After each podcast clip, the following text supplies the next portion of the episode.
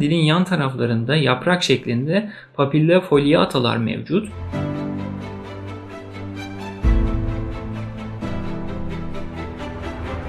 Kana karıştı. Farmako şu anda neredeyim?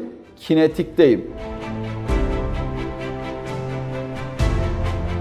Ve transfüzyon. NG'yi taktın, kan gördün, endoskopik tedaviye geçiyorsun.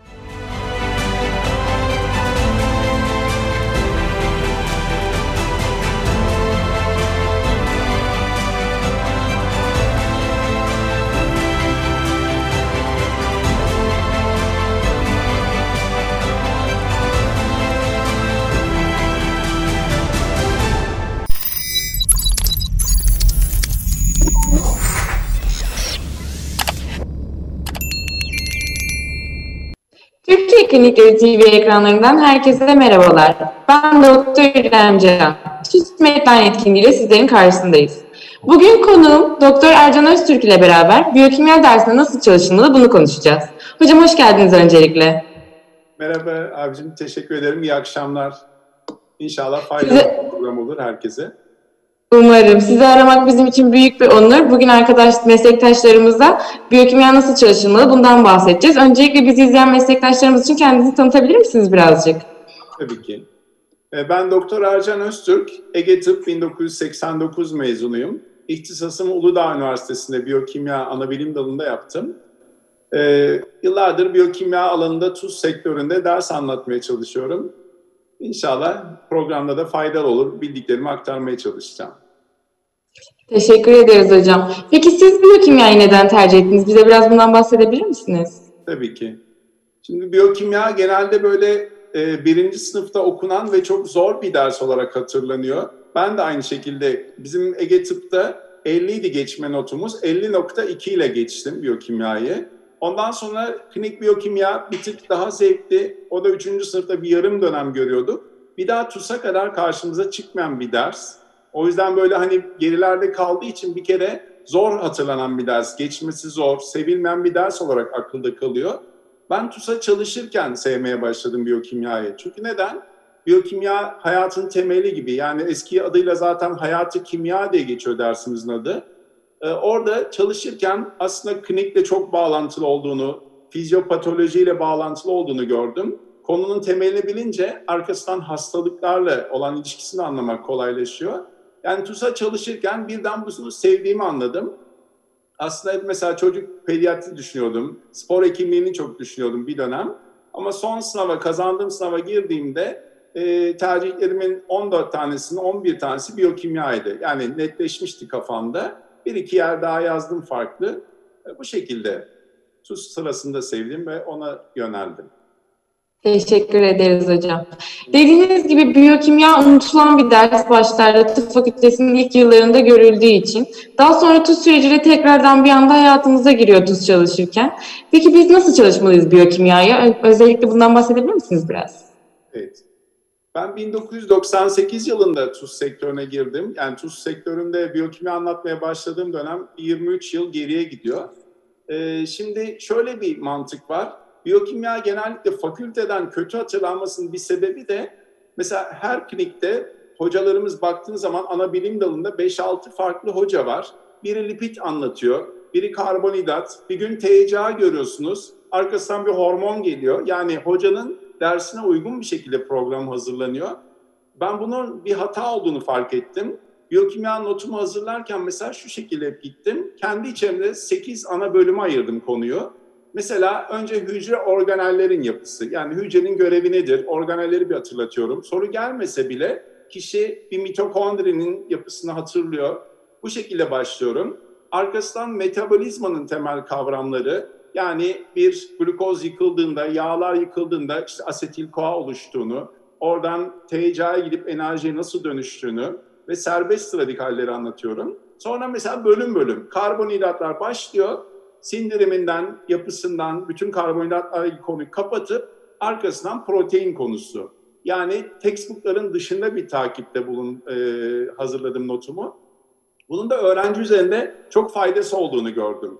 Yani konuları bir yere toplayınca bir başlık altına orada ne oluyor? Tek kişi anlatıyor. Mesela biliyorsunuz ki karbonhidratlarla geçen bir kelime başka lipidlerde geçtiğinde diyorsunuz ki bunu burada anlatmıştım. Çocuğun kafasında aslında metabolizmanın bir bütün olduğunu algılıyor. Yani biz öbür türlü bölük pörçük öğreniyoruz biyokimyayı okullarda, fakültelerde. Bir anda klinik anlatılıyor. Bir anda ne bileyim işte enzimlerden bahsediliyor.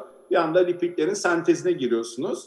Bunları konu konu bölünce ve tek bir başlık altında toplayınca başarılı yüksek olduğunu gördüm. Yani yıllardır belki 35-40 bine yakın doktor arkadaşıma ders anlattım. Çoğundan olumlu geri bildirim aldım. Hani biyokimyanın eğlenceli bir ders olmadığını hep vurguluyorum ben dersinde. Espri yapamıyorsunuz, bir bağlantı kuramıyorsunuz. Mesela hasta adam apandisit soruyor. İşte geldi diyor şu kadar yaşında bir hasta sağ alt kadranını tutuyor, kusuyor falan filan. Çocuk gözünde canlandırıyor. Ama ben mesela diyorum ki işte hücre var tamam, mitokondri var tamam, iç sarında bir enzim var. Onun da bilmem şu karbonunda veya şurasında bir koenzim var. Onun kafasında canlandırılması çok zor gerçekten. Ama mantığını öğrenmeye başlayınca biyokimya aslında öğrenilebilir bir ders. Sadece yöntemlerde bir hata diye düşünüyorum eski yıllardan kaynaklanan. Şimdilik böyle konuşalım. Gene devamını açarız der sorular sırasında. Tabii ki teşekkür ederiz. Ya bence de biyokimya e, yukarıdan baktığın zaman bütün konuların birbiriyle çok bağlı olduğu bir ders. O yüzden bölük pörçük öğrendiği zaman kişinin anlaması gerçekten çok zorlaşıyor. Ama anladığın zaman da tamamen böyle yukarıdan baktığın mükemmel sistematik bir şey görüyorsun. O yüzden de öğrenciler bence çok tekrar ettikleri zaman biraz daha kafalarında oturmaya başlıyor ama bu süreçte de çok yoruyorlar kendilerini. Peki biyokimya çalışırken öğrencilerin yaptığı büyük hatalar nelerdir sizce bizlerin yaptığı? Bir kere korkuyla yaklaşmak. Yani biyokimya öğrenilemez bir ders. Bu kadar enzimi, bu kadar reaksiyonu ben nasıl öğreneceğim diye bakıyor. Bu yanlış da hani başladığı zaman kesinlikle öğrenmek de daha zor. Bizler mesela dersi dediğim gibi anlatırken belirli bir sırada gitmemin sebebi önce yapıyı yani hücrenin temelini anlaması, arkasından metabolik yollara bir giriş. Yani metabolizma dediğiniz aslında kopuk bir reaksiyon değil. Yani lipidlerin bir son ürünü karbonhidratlarla bağlantılı bir yandan bir amino asit mesela proteinlerle de bağlantılı veya başka bir yola kayabiliyor. Porfirin sentezine vesaire. O bağlantıları görmeye başlayınca aslında bunun öğrenilebilir olduğunu görüyor öğrencimiz. Artı mesela bizim için biz tepkimeleri anlatırken belki 10 basamaklı bir reaksiyondan bahsediyoruz. Zincirleme 10 reaksiyon, 15 reaksiyon. Ama orada bakacağı yeri öğretiyoruz. Bir enzim hız kısıtlayıcıysa, yapısında bir kofaktör, işte önemli bir inhibitör, aktivatör varsa mutlaka bilmesini istiyoruz. Bazı konular var mesela bir sınav sormasın, ikinci de mutlaka soruyor. Diyelim ki pentos fosfat yolunu karbonhidratlarda çok seviyorlar. Öyle temel konular var. Üre siklusu, amonyak metabolizması. Öğrenciye onlara nasıl yaklaşması gerektiğini öğretmeye çalışıyorum ben. Genelde mantık bu şekilde. Yani korkuyu bir kere yenmek, biyokimyanın da bir mantığı olduğunu, kendi içinde bir kurgusunun olduğunu anlayabilirse öğrenci, dinlediği zaman artı onu tekrar ettiği zaman başarı geliyor. Bir de bazı konular hani söylediğiniz mesela yanlışlar nedir? Hani bildiği bir konuyu 10 kere tekrarlamanın bir anlamı yok. Veya çok zor bir soru konuyu bir şey öğrenmek için diyelim ki bir soruyu hiç yapamıyor bir konuda. İlla o konuya gidip yönlenmenin, onu arka arkaya 5 kere okumanın önemi yok. Çünkü aslında hep söylüyorum ben, daha önce de bunu belirtiyorum sürekli her yerde. TUS'ta zor soruları yapan kazanmıyor, kolay sorularda az hata yapan kazanıyor. Yani 240 sorunun diyelim ki 40'ı abuk sabuk çok zor soru. Onları yapanlar kazanmıyor. 200 soruda yapılabilecek orta ve kolay düzeyde ne kadar az hata yaparsanız başarı da öyle geliyor. Biyokimya da aynı mantıklı. Teşekkür ederiz hocam. Biyokimya anlatılırken dediğiniz gibi birçok tepkime görüyoruz hani konuların içinde. Bunların nasıl çalışmayı önerirsiniz? Mesela tepkimeleri hani şekil tablo halinde öğrenmek mi işimizi kolaylaştırır yoksa dümdüz okumak mı ya da görsel hafıza yani kime nasıl hitap ediyorsa o şekilde mi çalışmasını önerirsiniz daha çok?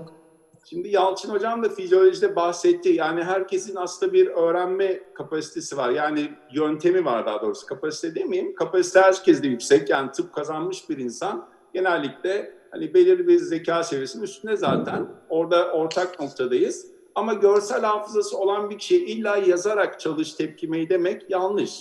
Yani görsel olarak onu gördüğünde mesela bazen derste sınav sonrası arkadaşlar diyordu ki hocam ben birebir yaptığınız hareketle işte enzim buradan geliyor yanına bu katılıyor. gözümde canlanıyor. Kimi de diyor ki hocam sesiniz yankılandı diyor. Sınav anında işte siz bu NADPH'i şu öğretir, malik enzim, glukoz 6 fosfat dehidrogenaz. Aklımda hep o geldi diyor, yaptım. Yani kişinin bence yöntemi kendisine özel olması lazım. O konuda ben kimseyi baskı altına almasına taraftar değilim. Özellikle biyokimya gibi bir ders. Ama ders sırasında iyi bir kaynaktan dersi dinleyip eğer onu da tekrarını iyi yaparlarsa nereye zaten dikkat edeceğini mutlaka öğrenci yakalıyor. Artı yanlış yaptığı bir soruya özellikle iki kez okumasını öneriyorum. Yani kolay bir soru mesela basit bir hatadan kaçmıştır. Ona mutlaka ikinci kez bakmasını, yanlış sorular çünkü insana daha çok bilgi veriyor aslında. Hep doğru yaptığım bir enzimi yani bir daha sorulmasında kolay kolay hata yapmaz insan.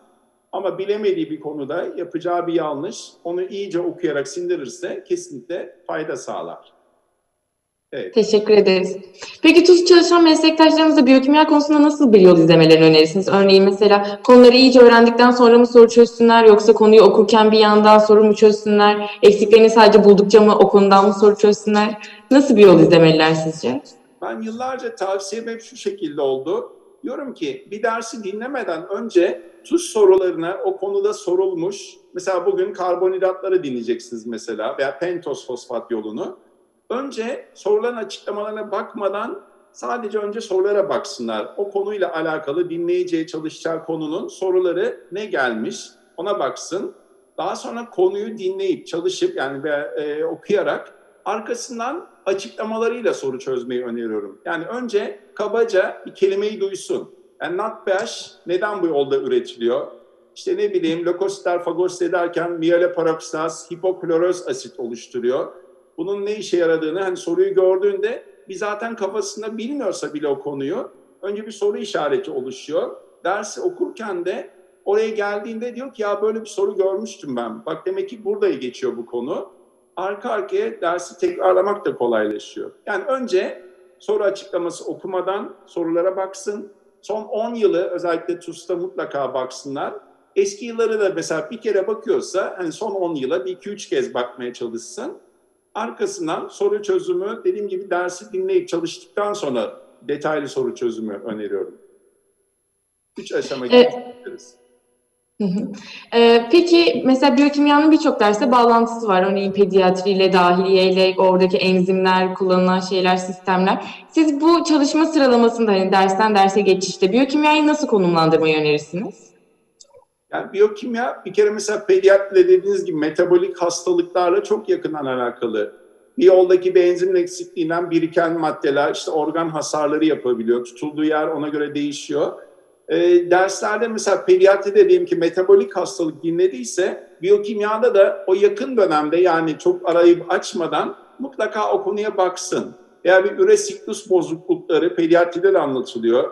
Bazen dahiliyede dediğimiz gibi ortak hastalıklarımız var, porfiryalar vesaire. Bunlara bakarken yani bir yerde biyokimya bağlantısı görmüşse mutlaka o hafta içinde en azından birkaç saat boyunca o konuya bir bakarsa kesinlikle akılda kalıcılık yüksek olur.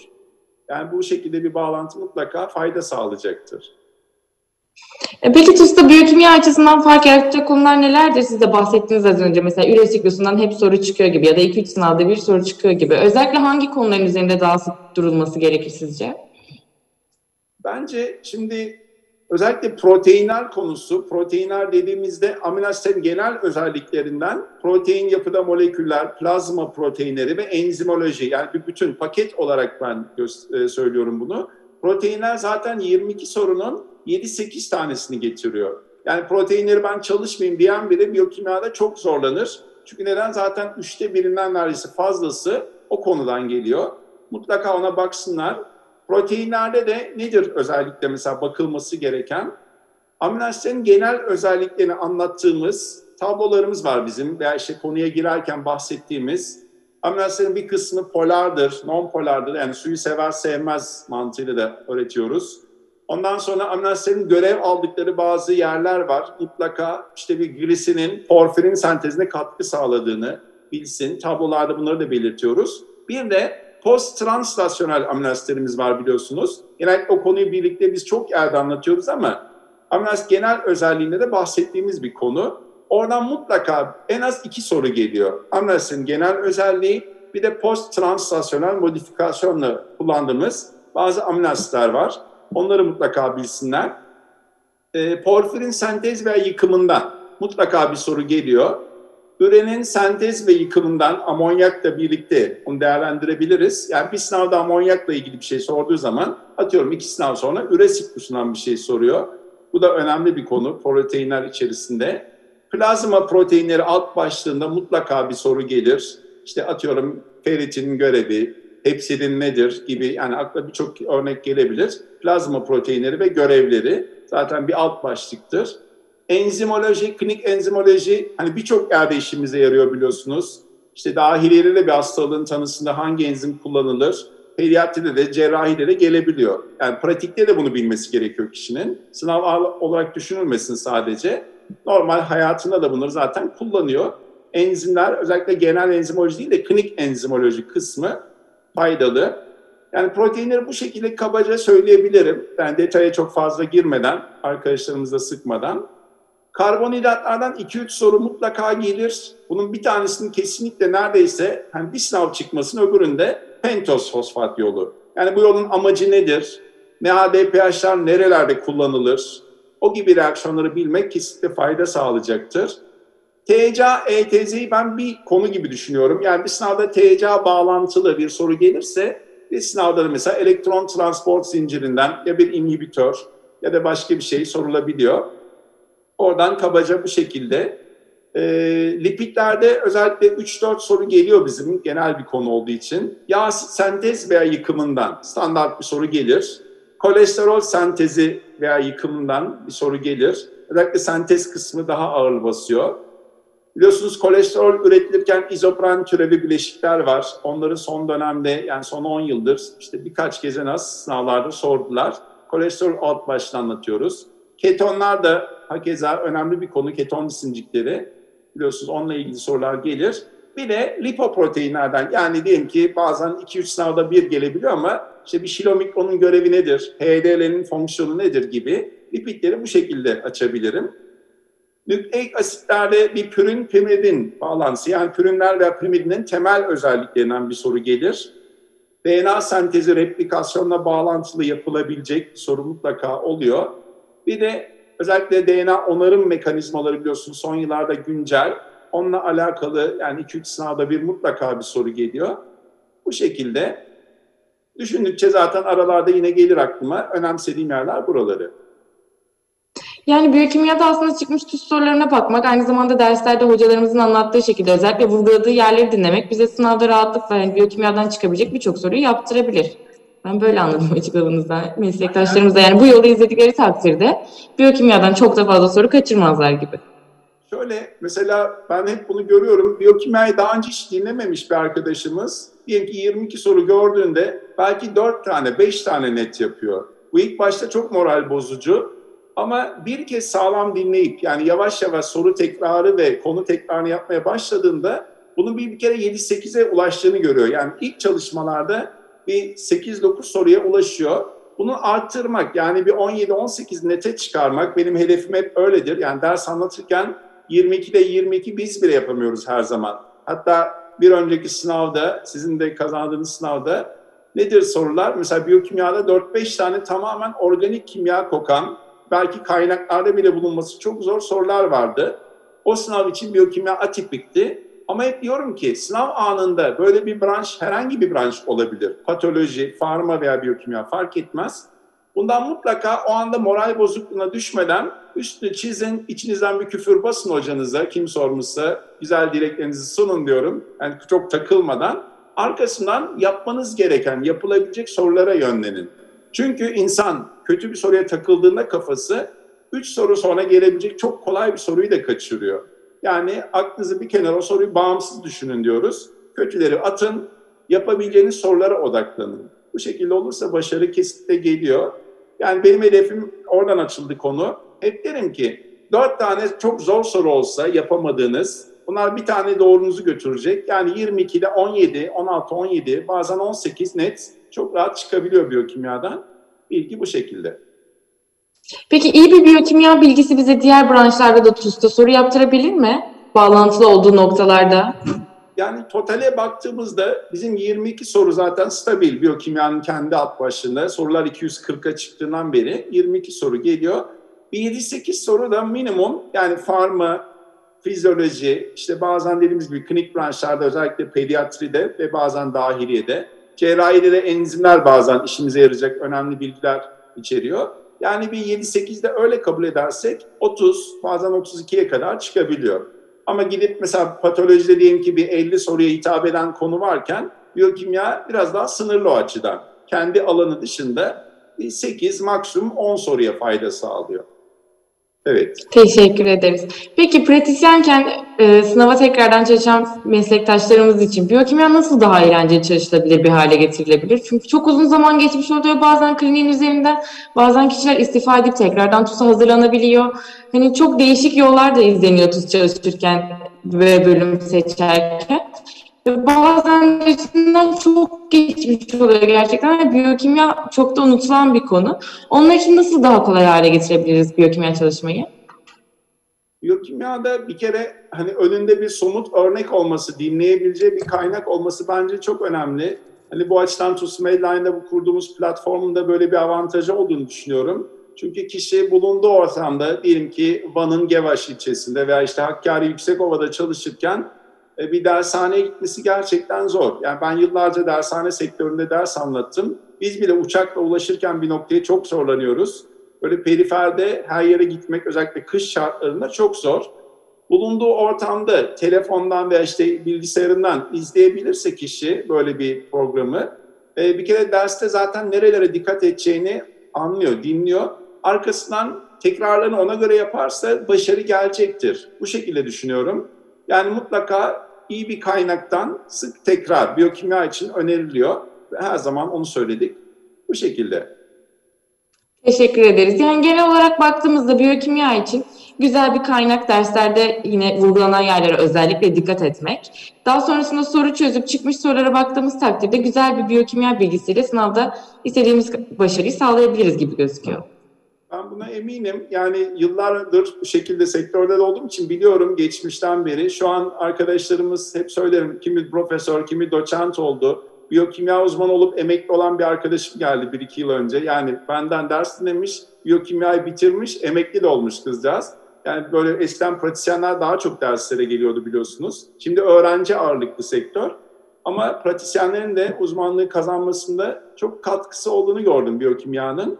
Ve ilk başta korktukları kadar da aslında biyokimyanın kötü bir ders olmadığını söylüyor çoğu.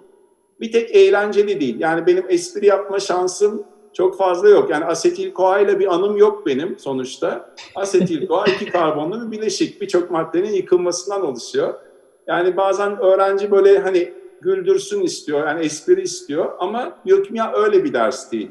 O da bir dezavantaj belki birçok branşa göre.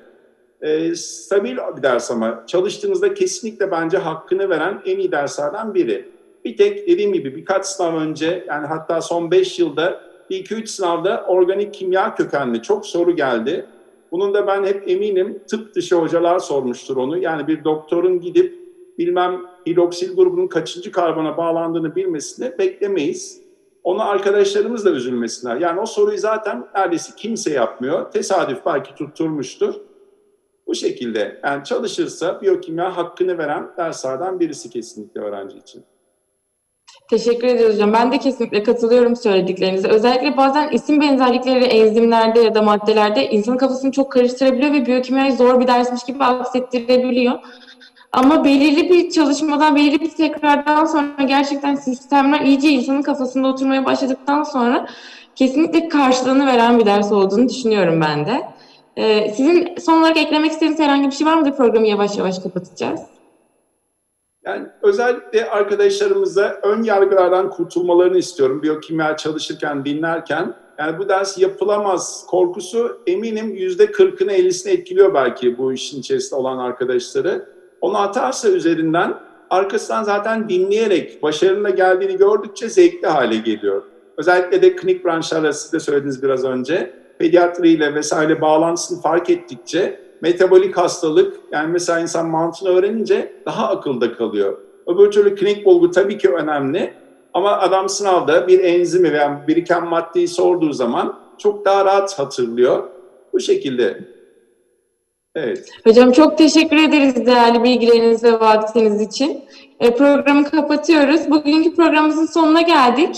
E, bir sonraki programımız 11 Ekim Pazartesi günü olacak. İngiltere hakkında konuşacağız Pazartesi günü. İyi günler.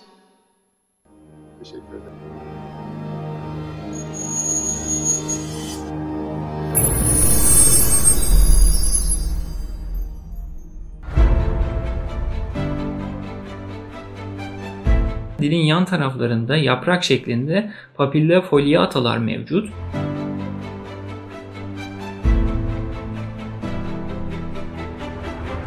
Kana karıştı. Farmako şu anda neredeyim? Kinetikteyim. Ve transfüzyon. NG'yi taktın, kan gördün, endoskopik tedaviye geçiyorsun.